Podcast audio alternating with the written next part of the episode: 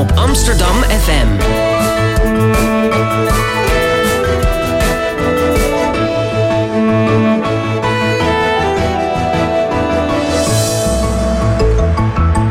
Radio Swammerdam. Goedemorgen dames en heren, lieve luisteraars, welkom. Welkom bij de tweede aflevering van het nieuwe seizoen van Radio Swammerdam. Het wetenschapsprogramma van Amsterdam FM op de zondagochtend. En we zijn natuurlijk ook te beluisteren als podcast via iTunes of Stitcher. Mijn naam is Maribeth, ik ben nieuw in de redactie van Radio Swammerdam. En mijn medepresentator kent u waarschijnlijk al. Welkom Misha. Goedemorgen Maribeth, leuk dat je er bent. Welkom in de redactie. Eh, we zijn natuurlijk heel blij met jou als nieuw redactielid, want je bent onze enige beta. Uh, dus aan jou de vraag, waar wil je je komend jaar op gaan richten? Ja, uh, zoals je al zei, ben ik, ik studeer wiskunde en ik ben de, helaas de enige beta in de, in de redactie. Maar dat is eigenlijk ook wel weer leuk, want het is wel nu mijn taak om te zorgen dat er genoeg beta-onderwerpen aan bod komen komend jaar. En vooral dat we niet al te bang zijn om moeilijke onderwerpen aan te snijden en dat we die dus met beide handen aangrijpen. En vandaag uh, gaat eigenlijk al mijn uh, droom in vervulling om een beta-onderwerp aan te snijden, namelijk het internet. Um, en um, ik zou hier al een tijdje wilde ik hier meer over weten, dus ik ben echt blij dat we hier vandaag over gaan hebben. En een andere wens die vandaag in vervulling gaat, is die van Mirjam. Uh, Mirjam zei vorige week dat ze graag reportages wilde maken dit jaar. En vandaag zullen jullie haar allereerste reportage horen. normaal zitten we natuurlijk hier aan tafel met een columnist. Um, maar vandaag hebben we dus in plaats daarvan een reportage. Vandaag gaan we verder in het dossier Amsterdam en we gaan het hebben over Amsterdam en het internet.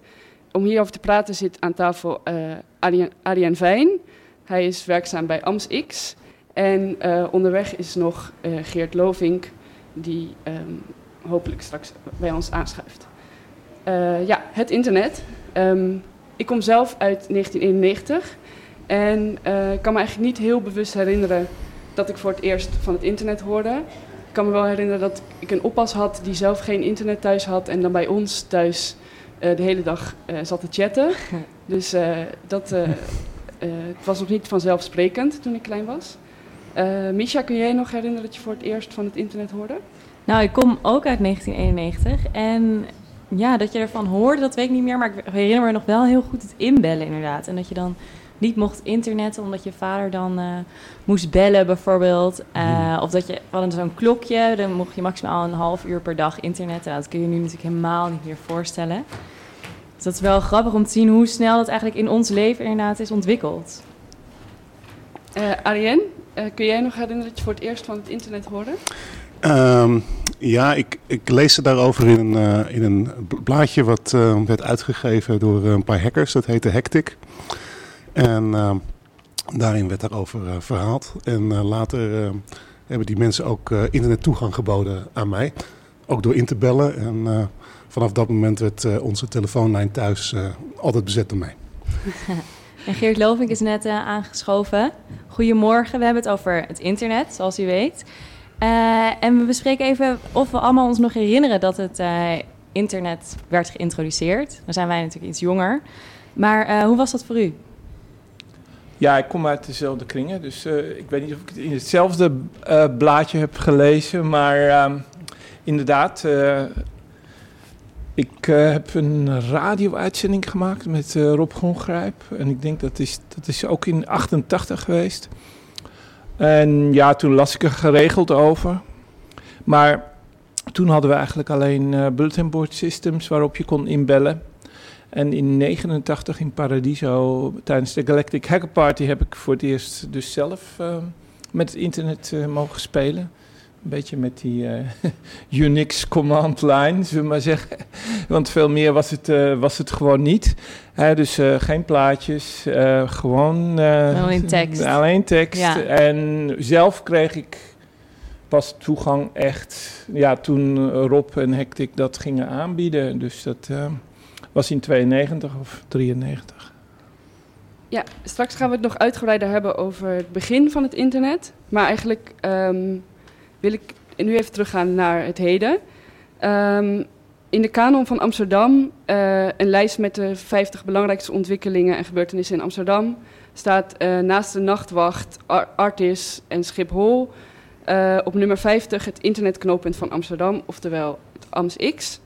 Ehm, hierover gaan we praten met Adriaan Fijn. Hij is teamleader Installation Engineers Hm. en medeoprichter van AMSX Network Operations Center. Ehm, ja, Arjen, eh, vandaag hebben we dus over Amsterdam en het internet. Eh, in de voorbereiding naar dit programma kreeg ik van een eh, bekende internetpionier te horen, en ik citeer, dat de hedendaagse appende mensheid niet weet van het verschil tussen het internet en het www, en men alles tegenwoordig maar internet noemt. Kun jij Hmm. misschien iets vertellen over, over wat het verschil eigenlijk is tussen internet en het www? Ja, internet ehm, is eigenlijk een, eh, een, een, een netwerklaag onder het eh, World Wide Web. Dat een applicatielaag is. Dus een, een applicatie bovenop het internet. En het internet is weer een laag waar dat het internetprobleem oploste. Ehm, toen de computers kwamen, toen maakte het ene merk maakte, eh, het ene type netwerk en het andere merk maakte een ander type netwerk en dat praatte nooit met elkaar. Want iedereen deed zijn eigen ding. En op een gegeven moment werd dat het internetworking probleem, want mensen wilden verschillende types computers aan elkaar knopen. En dat is uiteindelijk is daar een, eh, het internetprotocol bovenop gekomen. Wat eh, als het ware een, eh, een gemeenschappelijke laag is voor verschillende type computers, voor verschillende type systemen. En daarbovenop zijn weer applicaties gebouwd, waaronder het World Wide Web. Maar je hebt bijvoorbeeld ook e-mail. en die chatprogramma's waar je het net over had, die gebruiken hun eigen protocollen om, eh, om te kunnen communiceren. Dus het Dus www internet is een onderdeel van. is een onderdeeltje van het onderdeel internet. van het internet, ja, precies. Van hoe je het kunt gebruiken. Maar wat wij zien als wij onze telefoon eh, openen, dan is het het www.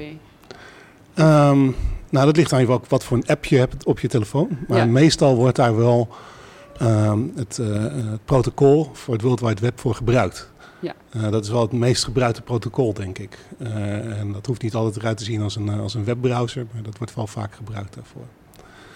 Dat, En dan het internetknooppunt. jij werkt voor AMSX, dat is het, een van de grootste internetknooppunten ter wereld. Kun je misschien iets uitleggen over wat zo'n internetknooppunt nou eigenlijk precies is? Nou kijk, het internet is dus een netwerk van, van netwerken. De- iedereen, allerlei verschillende partijen, die kunnen hun eigen ding doen. Eh, dus eh, waar we het net over hadden, de, de, de mensen van Hectic en later Access for All, die waren een internetprovider. En die eh, gaven toegang tot het internet. Maar ja, daar wil je natuurlijk wel ergens naartoe. Eh, dus eh, laten we zeggen, eh, je wilt eh, bij Google kijken. Dan, eh, dan moet, dat, moet jouw data moet bij Google terechtkomen. Dus die verschillende partijen die moeten ergens aan elkaar worden geknoopt. Nou, en dat is eh, de- onder andere eh, kan dat gebeuren op een eh, internetknooppunt of een internet exchange, zoals de Amsterdam Internet Exchange. En kan, kan ik dan zo'n knooppunt voor me zien als een, net als een knooppunt bij een weg bijvoorbeeld? Maar we gebruiken die vergelijking wel eens. Om, als een rotonde waarop allemaal eh, wegen uitkomen. En dan kan je opkomen en dan kan je er weer op af bij een andere, andere afslag. En zo gebeurt het eigenlijk ook. Dus, eh, dus jouw eh, data eh, van jouw provider die komt de rotonde op en die neemt de afslag weer naar Google of naar Facebook of, of andersom. Als je naar Amsterdam FM luistert over het internet, dan zeg je van nou geef mij Amsterdam FM. En dan komt dat op, het, op het knooppunt binnen, neemt de rotonde en komt weer, gaat weer af naar jouw eigen service provider toe en die brengt het weer verder. Ja, dus Nou ja. eigenlijk heel veel mensen die nu naar ons luisteren, die luisteren ofwel live via internet ofwel als podcast. Ehm, die, de kans is groot dat ze langs Ja. jullie komen. Ja, ik heb eh, zelf even zitten kijken eh, hoe dat, eh, waar het vandaan komt. En, en als je bij KPN of bij Access for All zit, dan krijg je dat inderdaad over, het, over de Amsterdam Internet Exchange binnen. Als je bij Ziggo zit, dan, eh, ehm, dan, komt het, dan gaat het via een eigen verbinding tussen de, de streaming server en, eh, en, en Ziggo, heb ik gezien. Ze hebben ook een eigen knooppunt gemaakt dan? Of hoe werkt dat? Nou, die hebben dan een onderlinge verbinding gemaakt. oh. Eh, en dat kan. Kijk, internet wordt niet gereguleerd. Dus eh, iedereen kan eigenlijk doen wat hij wil. Eh, dus sommige partijen kiezen ervoor om onderling verbindingen te maken. Andere via een knooppunt zoals AMSX. Ehm, of, eh, eh, of kiezen ervoor om eh, als het ware naar een soort van service provider voor service providers te gaan. om ze naar de rest van het internet te kunnen brengen. dat is iedereen om dat zelf te bepalen. En wat is het voordeel van zo'n knooppunt dan? Of waarom zouden mensen dat uh, het, het knooppunt is uh, gemaakt om, uh, omdat die, zeg maar die service providers voor service providers, die heten transit providers in, in het jargon, die, um, die rekenen per bit die je verstuurt. daar rekenen ze geld voor, dat tellen ze. En dan zeggen ze, nou je hebt zoveel bits verstuurd, dus wij willen een versturing in rekening van zoveel, zoveel euro. Um, en toen, toen dacht men van, nou ja, als we nou onderling, omdat we toch allemaal vlak bij elkaar zitten, um, verbindingen maken dan uh, kunnen we dat zonder die, uh, die, uh, transit provider doen. En um, we kunnen het zelfs met gesloten beurzen doen. Als we elkaar een beetje als gelijken zien, jij stuurt evenveel verkeer als ik, dan, dan is dat goedkoper. En zo is Amsterdam Internet Exchange min of meer per ongeluk ontstaan. Er lag een, een kabel in het, in het wetenschappelijk centrum Watergraafsmeer, waarop men in eerste instantie een verbinding naar het CERN deelde. Het was voor de wetenschappers bedoeld. Maar daar, daar, gingen steeds meer mensen op aansluiten, steeds meer partijen. En die gingen via diezelfde kabel ook onderling communiceren. Om op die manier ook hun kosten te drukken. En dat is uiteindelijk Amsterdam Internet Exchange geworden. En dus uitgroeit tot één, het grootste, of op één na grootste? Ja, we waren een tijdje de grootste, maar uh, het ligt een beetje aan hoe je telt. Oké. Okay. Ehm, natuurlijk.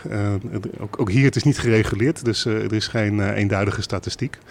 Maar um, wij, we zijn wel duidelijk een van de grootste internetknooppunten. Er zitten de, tijdens het interview uh, moest ik even kijken hoeveel uh, partijen erop zaten. Daar zat, toen zaten er 737 verschillende internetpartijen op de Amsterdam Internet Exchange om onderling verkeer te kunnen uitwisselen. En qua volume, qua verkeer is het is ook wel een van de grootste hm. internet exchanges. Ja, wij zijn op bezoek geweest bij een van de datacentra waar al die waar waarschijnlijk ook uh, uw uh, internetverbinding nu langskomt als u aan het luisteren bent via het internet. Uh, en ik heb samen met Mirjam hierover een reportage gemaakt. wij werden bij het datacentrum rondgeleid door Ariane en door Erwin Oud. Um, ja. Laten we gaan luisteren. Radio Swammerdam. Een hele goede morgen. Vandaag zijn uh, Maribeth en ik, Mirjam, op bezoek bij NICEF, het Nationaal Instituut voor Subatomaire Fysica. Wat zoveel wil zeggen als de plek waar ze onderzoek doen naar deeltjes.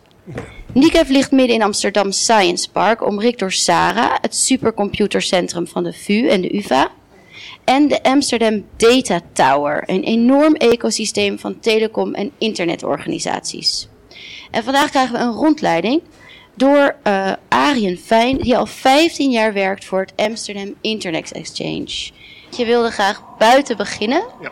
Uh, wat is daar de reden voor? Nou, dat je kan zien van, van dit gebouw. Eigenlijk is Amsterdam bij toeval ontstaan. Want als je daar kijkt, dan heb je SARA, dat is het supercomputercentrum van, uh, van de twee universiteiten.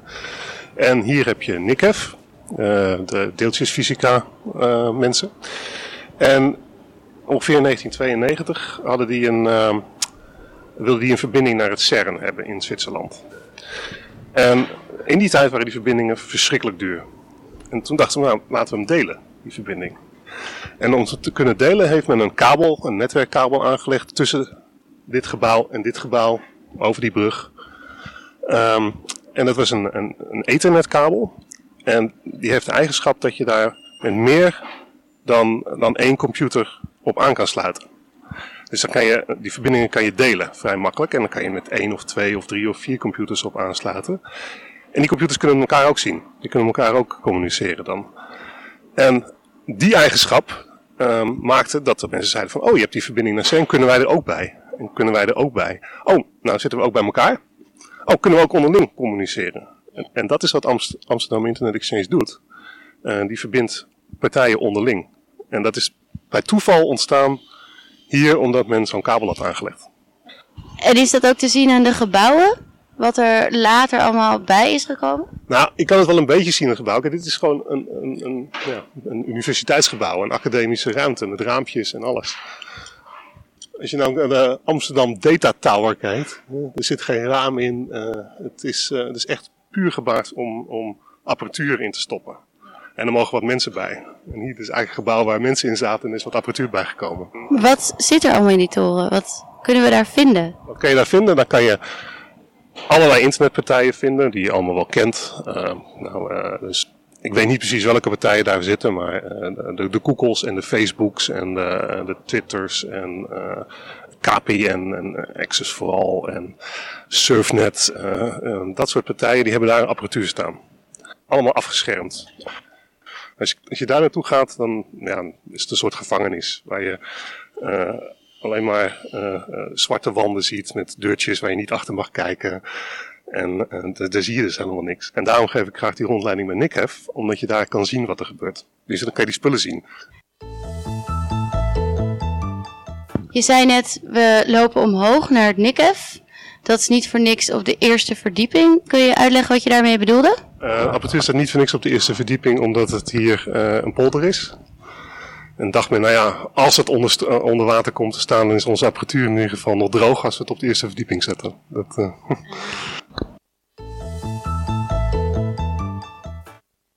We staan nu uh, tussen de sluisdeuren voordat we het datacentrum ingaan. Ik hoor al een heleboel geluid.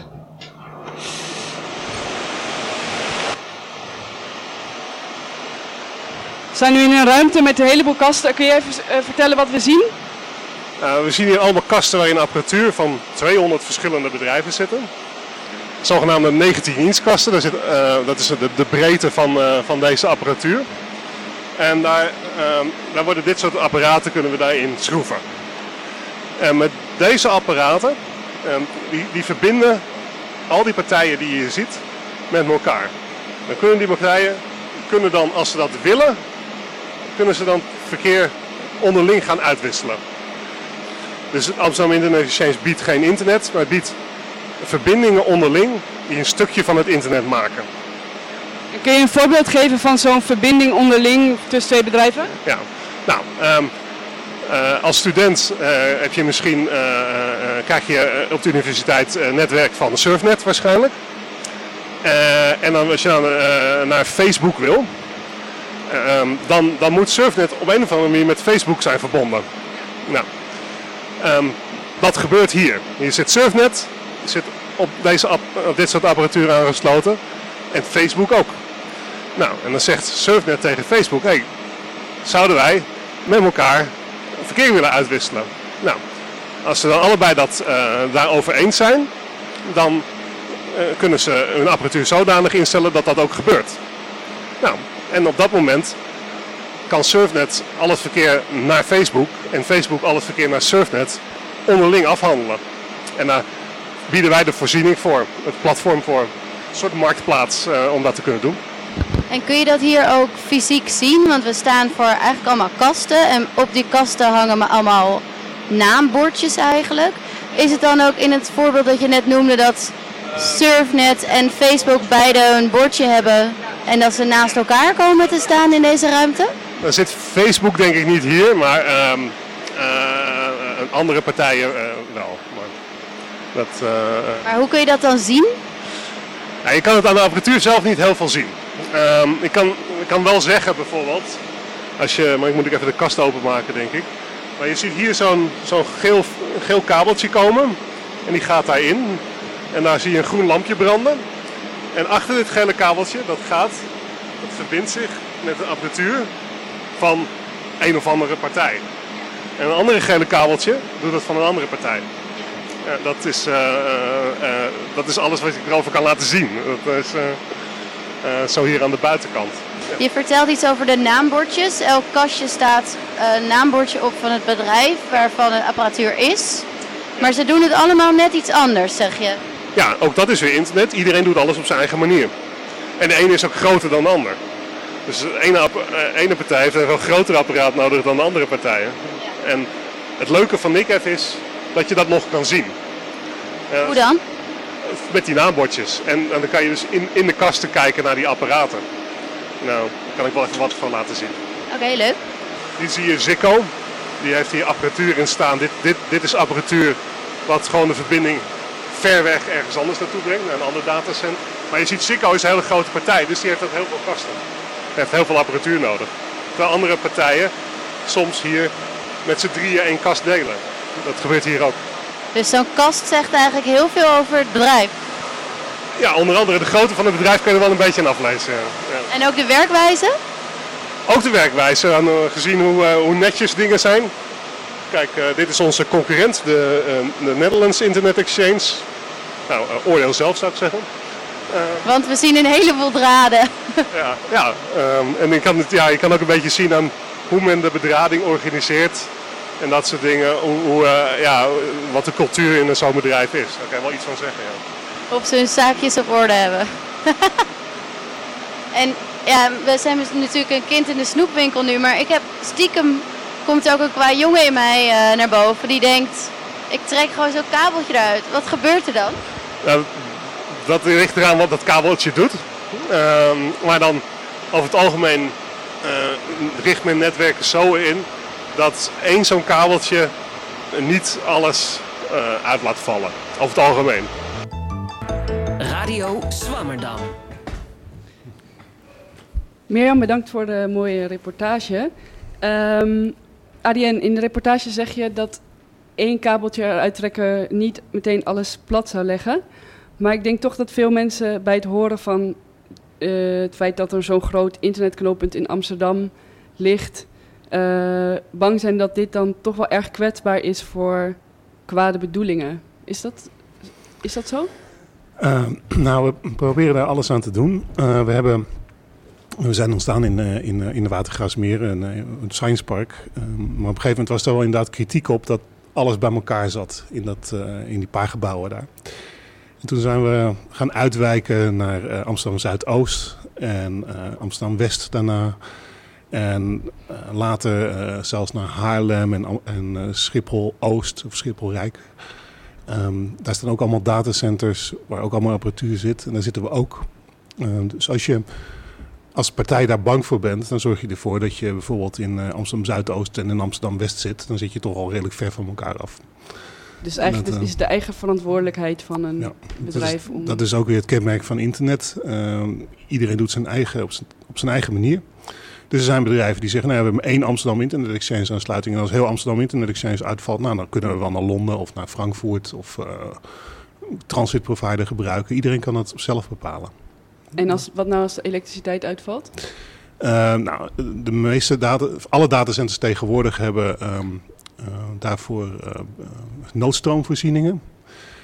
in eerste instantie, als de stroom uitvalt, dan draait het even op batterijen of op een vliegwiel. En dan wordt er, worden er één of meerdere dieselgeneratoren gestart om, om de stroomvoorziening te handhaven.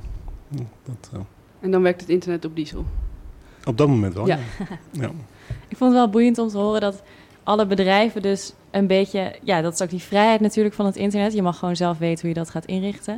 En je hebt dan zo'n plek nodig. Maar hoe jij die kabeltjes verder aansluit en dat soort dingen... dat moet je gewoon helemaal zelf weten. Ja, kijk, je moet natuurlijk wel rekening houden met de verschillende protocollen en, uh, en, de, en de techniek erachter. Dat moet wel uh, op elkaar aansluiten. Maar um, ja, daar is weinig tot geen regulatie voor. Nee, dat, die protocollen, dat is wat je eigenlijk wil doen met ja. het internet. Dus of je, ja. de, of je de protocollen bepalen uh, hoe het allemaal werkt. Uh, en die worden ook onderling afgesproken dat, uh, en, en, opgeschreven. En hoe komt het nou dat dit knooppunt in Amsterdam specifiek zo groot is? Is dat gewoon toeval of geluk of een bepaalde ligging die. Nou ja, ik denk dat het allemaal een rol speelt. Um, uh, het, uh, er waren gewoon denk ik een paar mensen die, uh, die daar interesse voor hadden, die bij elkaar zaten om dat ja, bijvoorbeeld onderling verkeer uit te wisselen. dat clubje met, van Hectic dat er interesse in had. En um, dan, dan gaat het vanzelf groeien. Dan het ene trekt het andere aan. Dus, en hoe meer verkeer, hoe meer verkeer ook wordt aangetrokken en hoe meer partijen er ook naartoe komen. En, en zo gaat het als een sneeuwbal, uh, sneeuwbal rollen. Dus ik denk wel dat er een hoop toeval uh, in eerste instantie wel, uh, wel een rol speelde. Ja. Geert, wat denk jij hierover? Waarom is nou, in Amsterdam zo groot? Nou, hebben we het goed geregeld, maar dat is niet overal zo. En het meest krasse voorbeeld, wat recentelijk natuurlijk uh, heel veel uh, publiciteit heeft gekregen, dat mensen na Snowden in Brazilië erachter kwamen. En dat als je ook maar iets uh, verstuurde van Sao Paulo naar Rio de Janeiro, dat dat systematisch, dus via de Verenigde Staten liep. dus al het verkeer uh, binnen Brazilië hè, was niet onderling uh, zeg maar met elkaar verbonden, hè, maar liep allemaal via de VS. En dat betekent dus gewoon dat er toch ook een, een bepaalde politiek uh, achter de architectuur van de internet zit. Je kan zeggen van, ja, dat moet je zelf regelen. Nou, dat, uh, dat was dus ook de boodschap eigenlijk aan de Brazilianen. Hè. Ja, jullie kunnen klagen wat je willen hè, over dat Amerikaanse imperialisme, maar je zult, uh, ja, je zult de verbindingen zelf moeten gaan maken. Als je internet, internet is geen gegeven. Maar dat is geen, natuur, eh, dat is geen natuurgegeven, dat moet je bouwen. Dat moet je maken, dat moet je zelf. Hè? Dus die zogenaamde decentrale uh, infrastructuur, die moet je zelf realiseren. Doe je dat niet, dan krijg je dit soort dingen. Is er veel druk vanuit de politiek op, uh, op Amsterdam, op het knooppunt om bijvoorbeeld informatie te delen? Of kan dat eigenlijk helemaal niet? nee, wij... Um uh, delen op zich uh, geen informatie met, uh, met andere partijen. Dat lukt ook eigenlijk niet. Het volume wat, wat, wij, wat wij schakelen is zo groot. dat, dat, ehm, ja, dat, zou, dat zou een enorme impact hebben als we dat allemaal zouden moeten gaan delen. Dat, dat, dat kan gewoon niet.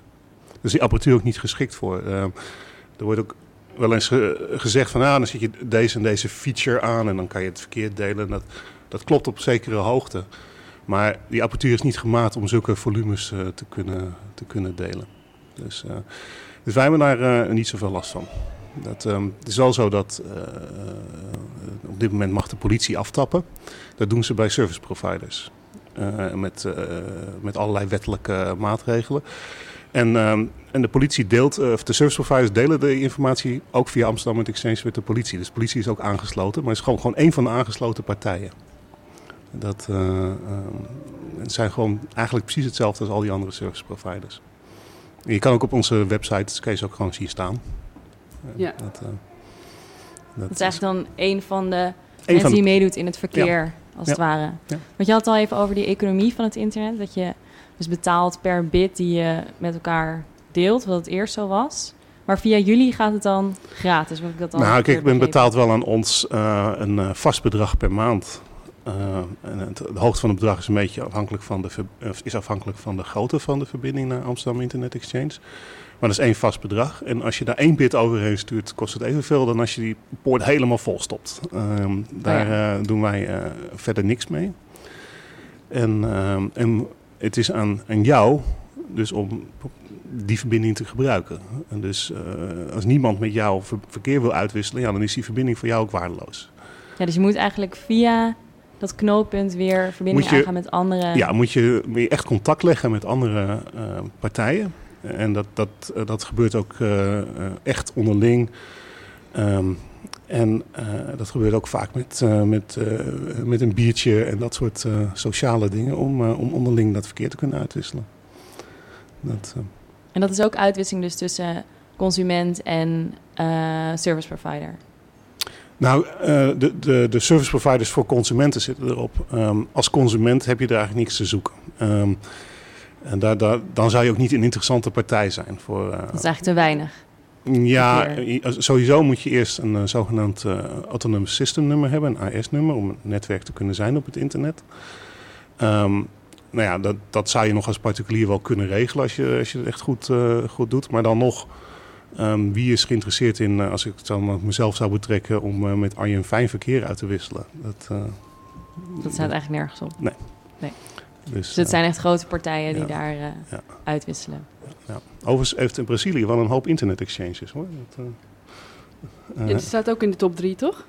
Ja, volgens mij zijn ze over het hele land internet exchanges aan het bouwen. Maar dus geen eigen internet exchanges of wel? Jawel, natuurlijk wel. Maar waarom gaat alles via de VS dan? Ja, dat uh, was dan ook de vraag. Hè?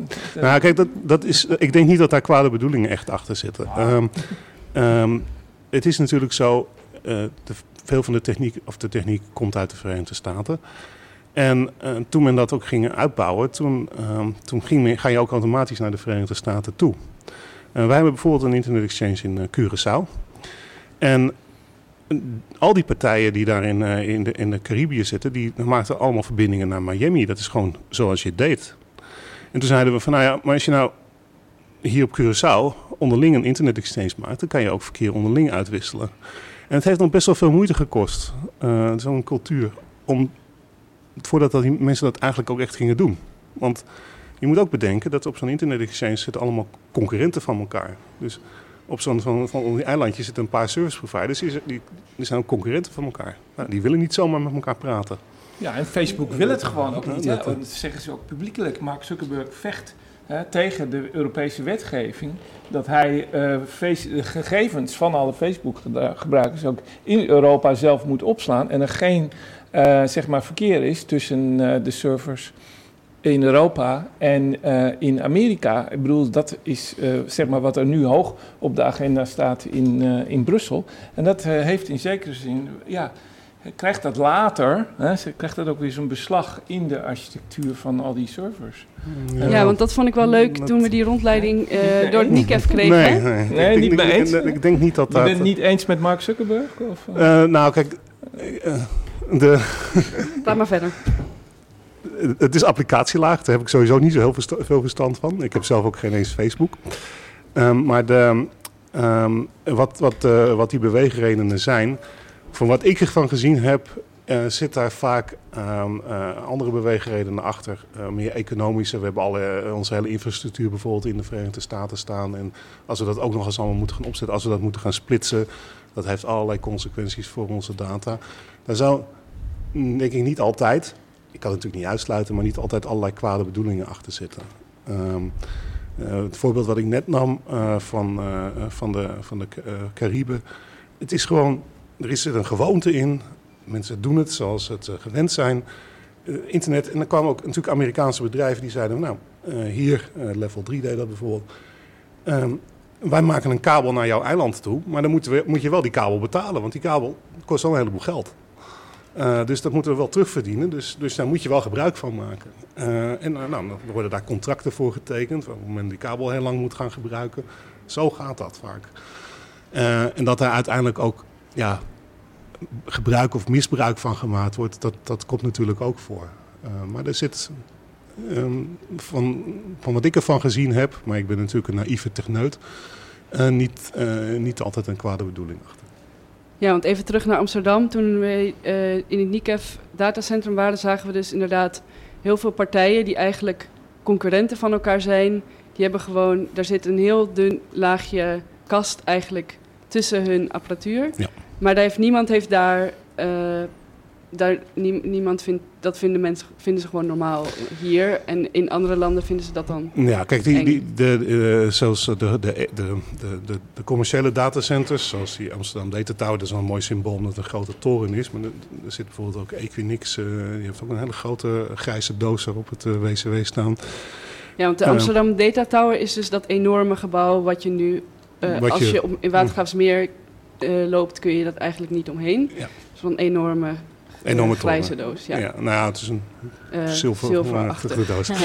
ja. Um, um, daar um, heeft men er wel wat meer tussen zitten. Maar ik, ik nam je mee naar NICHEF, wat een academische instelling is. Uh, en daar dat, dat is eigenlijk nog de ouderwetse internet manier waar iedereen cozy bij elkaar zit. Maar ja, het zijn wel uh, inderdaad concurrenten van elkaar. En dat is ook een van de redenen waarom Amsterdam Internet Exchange georganiseerd is als een uh, vereniging. Uh, waarbij dus een, als een soort neutrale partij. De ene concurrent is lid van dezelfde vereniging als de andere concurrent, heeft evenveel stemrecht. Als een neutrale partij zitten we daar uh, ook tussenin. En dat, een van de redenen kan ook zijn om over Amsterdam Internet Exchange aan te sluiten, omdat je ja, elkaar zo, zo, zo concurrerend vindt dat je niet eens een kabeltje tussen onderling wil aansluiten. Maar je hebt elkaar wel nodig op internet. Ja. Dat, uh... Uh, we gaan het uh, in het tweede deel van het programma hebben over de geschiedenis van het internet en met name in Amsterdam. Ariane, je vertelde net ook al iets over Hectic en de, dat jij de telefoonlijn van je familie bezet hield. Kun je iets vertellen over het allereerste begin van Amt X of in jouw betrokkenheid daarbij? Ehm, nou, kijk, uh, dat, uh, het telefoonlijntje dat was inderdaad in uh, 92 of 93. Um, en, en, later werd dat natuurlijk een, een ISDN-lijn en mijn eigen telefoonlijntje en, en ADSL-lijntje en dat soort dingen. Maar um, ja, dat was mijn, mijn gateway naar internet. Ik was zelf elektrotechneut. En geïnteresseerd in dit, maar ik heb, ja, ik heb dat nooit op, op school gehad. Dus ik moest het mezelf aanleren. Dus ik heb inderdaad die Unix-prompt met een boek van de bibliotheek ernaast zitten intikken over een telefoonlijntje waar de, elke minuut de tikker weer een kwartje erbij gooide. En, en, dat we zo enorme telefoonrekeningen kregen. Maar uiteindelijk heeft me deze baan opgeleverd, maar dat is een stukje later. En dit, Amstix is enorm hard gegroeid in bepaalde jaren, vertelde je me. Het groeit nu 30% per jaar? Ja, het verkeersvolume, als we daarnaar kijken, dan uh, is dat uh, nu ongeveer 30% uh, per jaar. Maar ik kan me herinneren in 2002 dat, dat het wel eens 110% per maand was. Maar ja, natuurlijk waren de, de absolute getallen toen natuurlijk veel kleiner ja. dan nu. dus nu is 30% per maand in absolute getallen ook nog wel heel veel. Of 30% per jaar, sorry. Um, uh, maar toen was het uh, ook met de techniek die we toen hadden, was het, waren het wel uh, zware jaren, denk ik. Ja, dat, ja we gaan het straks nog hebben over de digitale stad. maar eerst is het tijd voor een liedje uit de pre-internet tijd. Maar wel toch heel toepasselijk. Connection van de Rolling Stones.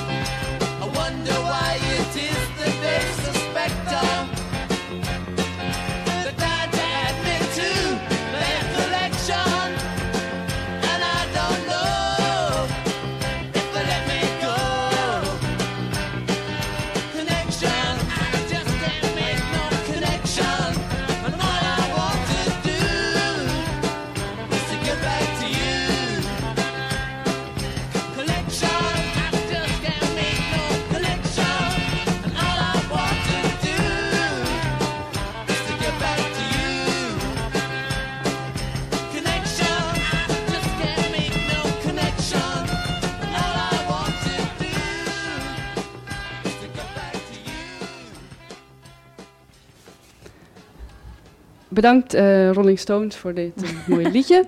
Um, voor het tweede deel van de uitzending willen we graag uh, teruggaan in de geschiedenis. voor de luisteraars die net inhaken, we hebben het vandaag over Amsterdam en het internet.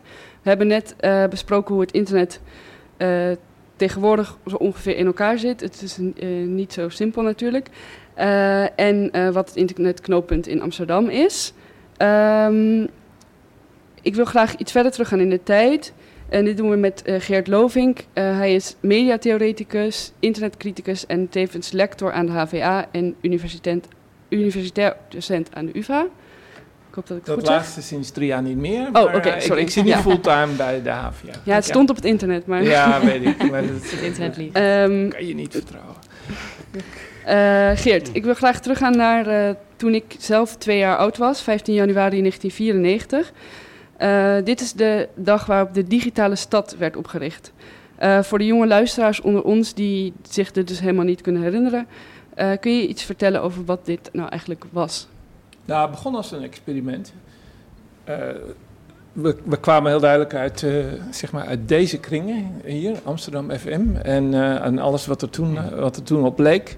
Vrije radio's, Salto, televisie. Um, heel veel media-initiatieven die allemaal eigenlijk zaten te wachten tot het internet zeg maar ook publiekelijk beschikbaar werd. En ik denk dat onze filosofie heel duidelijk van toen was dat je dat internet eigenlijk in ieder geval gedeeltelijk een publieke infrastructuur zou moeten worden of moeten blijven.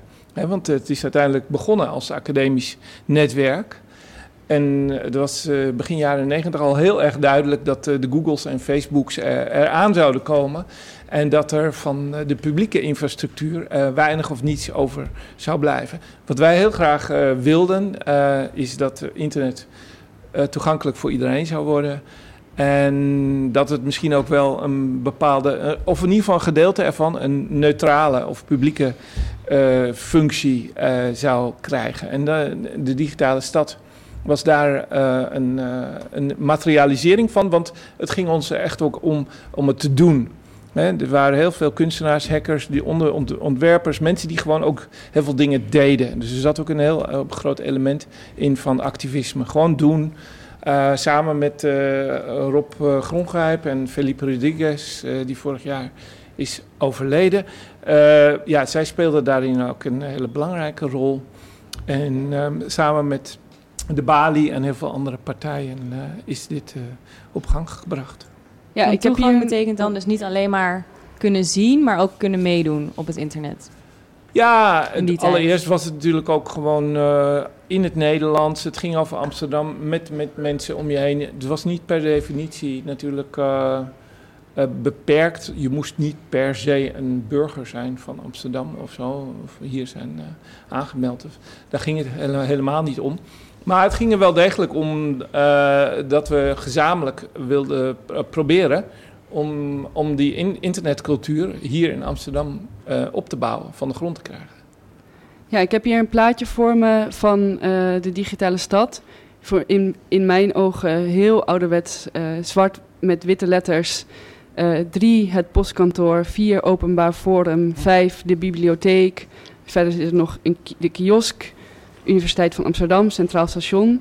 Wat deden mensen nou eigenlijk op bijvoorbeeld het Centraal Station of het stadhuis. In nou, niet heel veel anders dan, dan nu. Ik bedoel, hè, toen heette het uh, eh, IRC en wat, uh, hè, en nu heet het dan WhatsApp.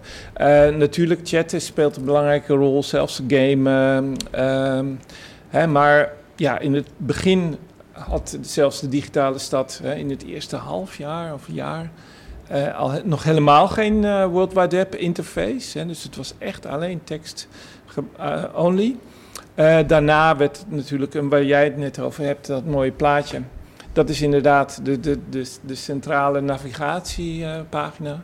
Mensen gebruikten het voor, voor, voor e-mail, maar vooral ook om heel veel dingen onderling met elkaar te bespreken. Dus het was een echte community, een virtual community zoals dat toen heette. En de, daarvoor werd als metafoor dan de stad gebruikt. je hebt ja, maar gelukkig, we zijn hier in Amsterdam. We waren niet zo metafoor vast hoor. Dus ja. het, was, uh, het was meer, het, het was een introductie. Hè? Maar daarachter zaten de meest wilde andere zaken die de hele stadsmetafoor vervolgens weer uh, loslieten. en natuurlijk hè, heet een, dat, die, die game environment heette dan de metro. Nou, dat, ja, want in een interview zeg je dat in de metro waanzinnige dingen gebeuren. Ik zou niet weten wat ik me voor moet stellen bij waanzinnige, waanzinnige dingen. dingen. Nou, je moet het jezelf voorstellen dat toen der tijd wilden mensen niet zichzelf zijn. Ze wilden graag iemand anders zijn. Ja, dus geen selfie. Selfie is saai.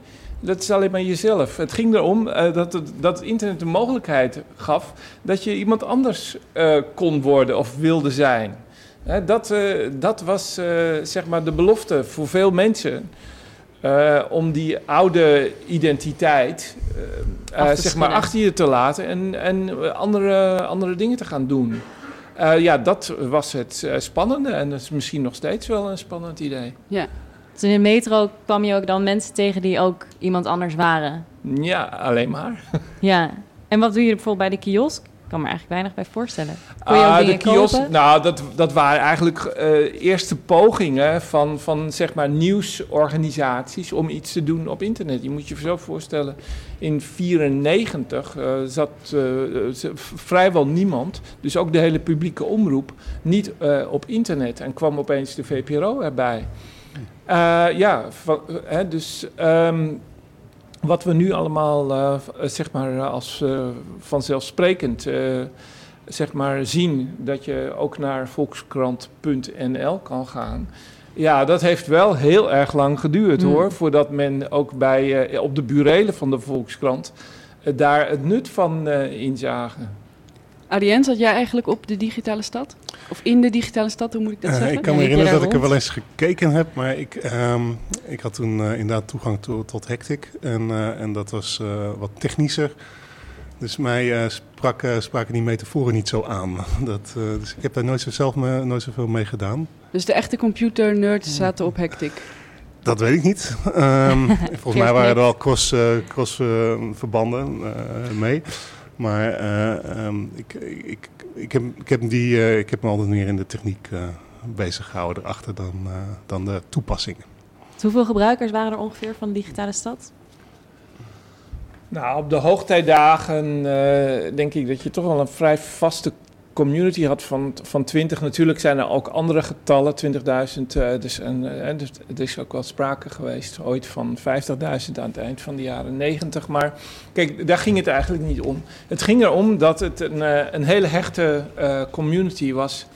En eentje die gewoon ook ja, zeg maar zichtbaar was. En zich sterk maakte voor alle onderwerpen die, die we nu associëren met ja, de internetproblematiek. Van censuur, van filteren, van eh, ja, de, hele, de eerste grote aanvaring die er was toen de tijd met Scientology. Hè, dat wat, eh, wat Wikileaks nu doet, dat, eh, dat speelde zeg maar twintig jaar geleden ook al.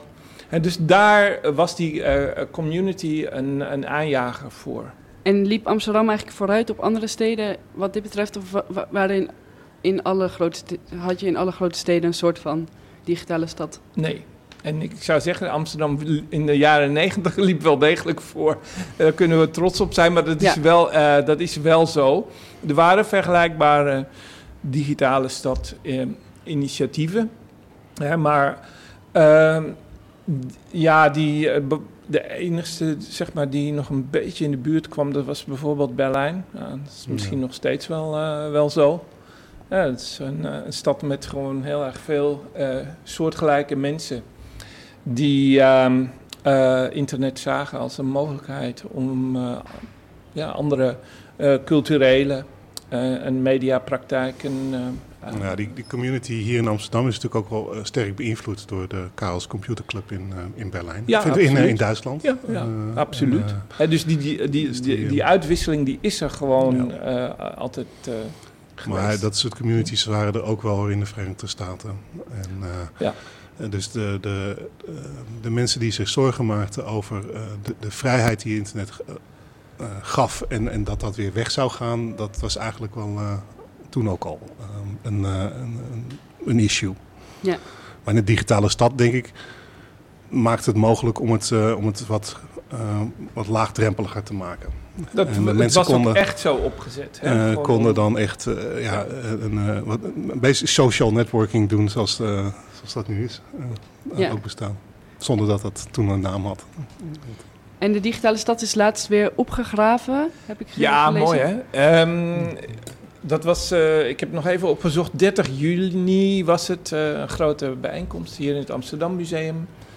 Eh, georganiseerd door de webarcheologie-expert van het eh, Amsterdam Museum. Dat is Tjada de Haan, die vroeger ook eh, eind eh, jaren 90 bij eh, de, de digitale stad werkte. Het is een, eh, het is een studentenproject geweest onder leiding van Gerard eh, Alberts eh, van het CWI. eh, een soort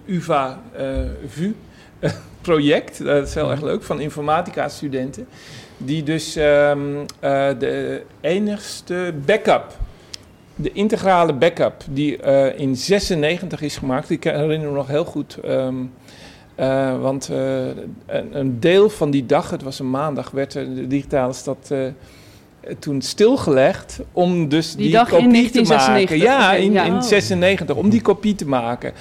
En die kopie is dus weer boven water gekomen. Maar ja, die, dat zijn natuurlijk allemaal oude dataformaten. Dus dat was best wel een heel gedoe om die stad weer draaiende te krijgen. En ik hoop dus dat we binnenkort ook ehm, zeg maar op een soort misschien standalone computer in het museum die hele kopie van de digitale stad, zoals die studenten hem, hebben gemaakt, uh, dus ook te zien krijgen. Op de 30 juni was het, ja, ja was het alleen een demo. Ja. Dus, en maar het is gelukt, dus het, het, is gelukt. En we moeten dus nu nog heel even wachten voordat iedereen zeg maar, daarbij kan. En dan heb je dus een, een volwaardige kopie waar je, waar je in kan kijken hoe het er vroeger uitzag. Ja, ze, hebben, ze zijn genomineerd voor een webarcheologische prijs. Ik weet even niet meer precies de naam. Dus hopelijk uh, kunnen we binnenkort daar nog iets van zien.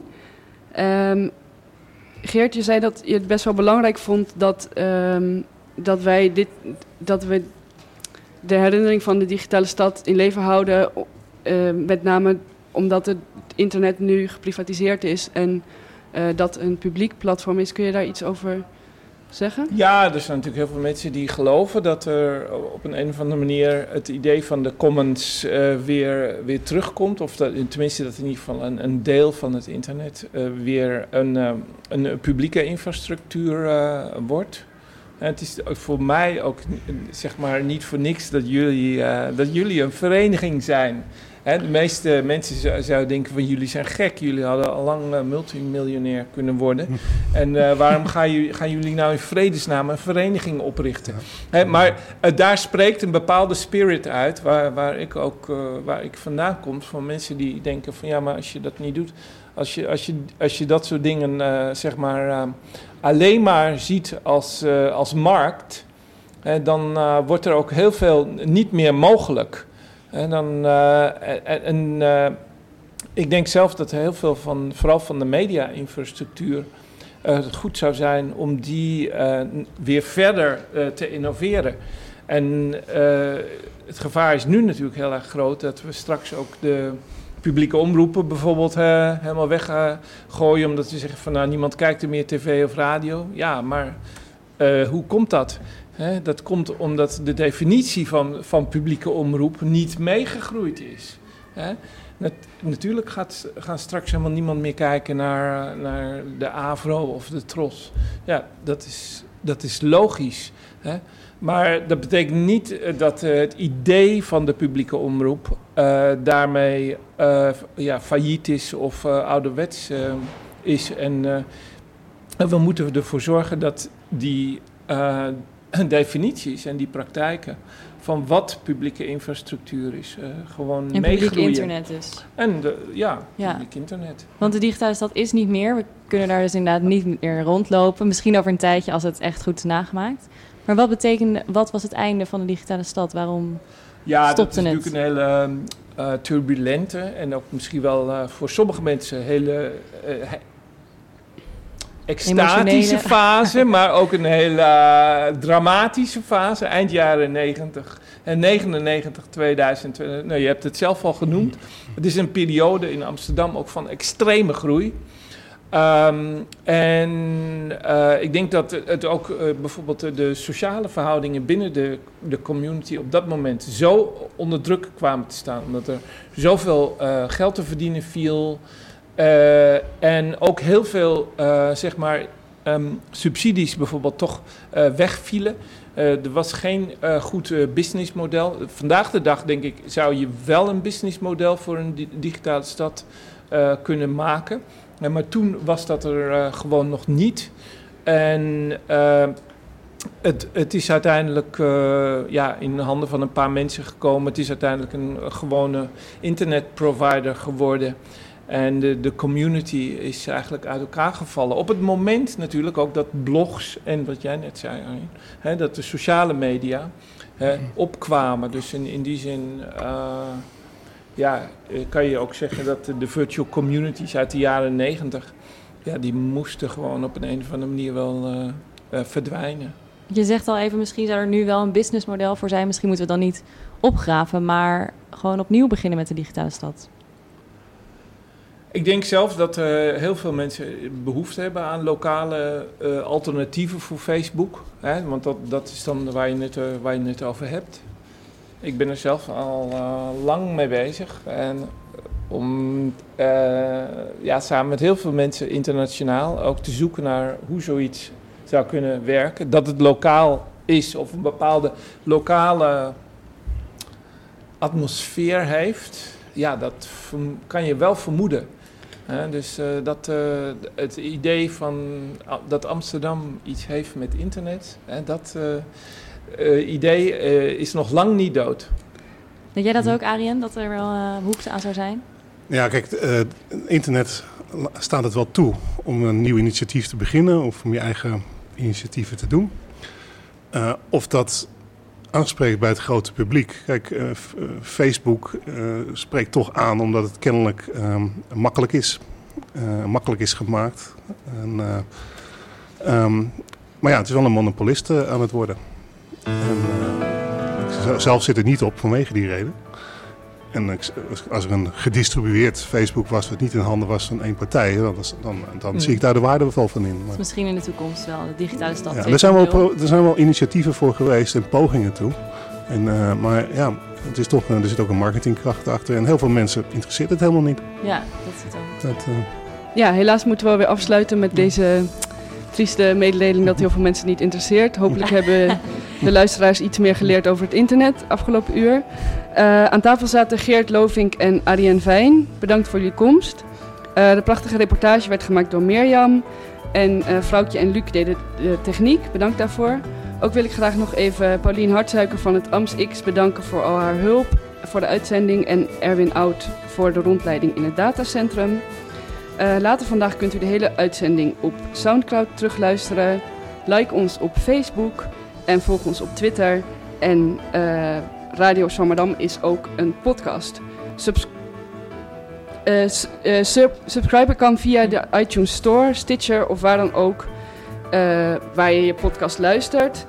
je hoeft dus nooit meer de wekker te zetten op zondagochtend, maar je kunt op de fiets of in de trein of waar dan ook uh, ons beluisteren. Als je meer wil weten over Amsterdam en de wetenschap, kun je ook het hele dossier um, Amsterdam beluisteren. Er staan al een heleboel afleveringen en op. En als je meer wil weten over Facebook, vorig jaar maakten we een hele mooie uitzending met Geert Lovink ook aan tafel over social media en eigenlijk waar we net uh, mee afsloten. Of je privacy uh, op internet wel gewaarborgd is. Nou, daar weten we natuurlijk allemaal eigenlijk wel het antwoord. En het leukste blijft natuurlijk als u live langskomt, dan heeft u het hele internet uh, niet nodig. Op zondagochtend uh, kunt u langskomen om 11 uur in de OBA. En volgende week zijn we uh, terug met een nieuwe aflevering in het dossier Revolutie met als onderwerp activisme. mijn naam is Maribeth en u luistert naar Radio Zwammerdam en we wensen u voor nu een fijne zondag.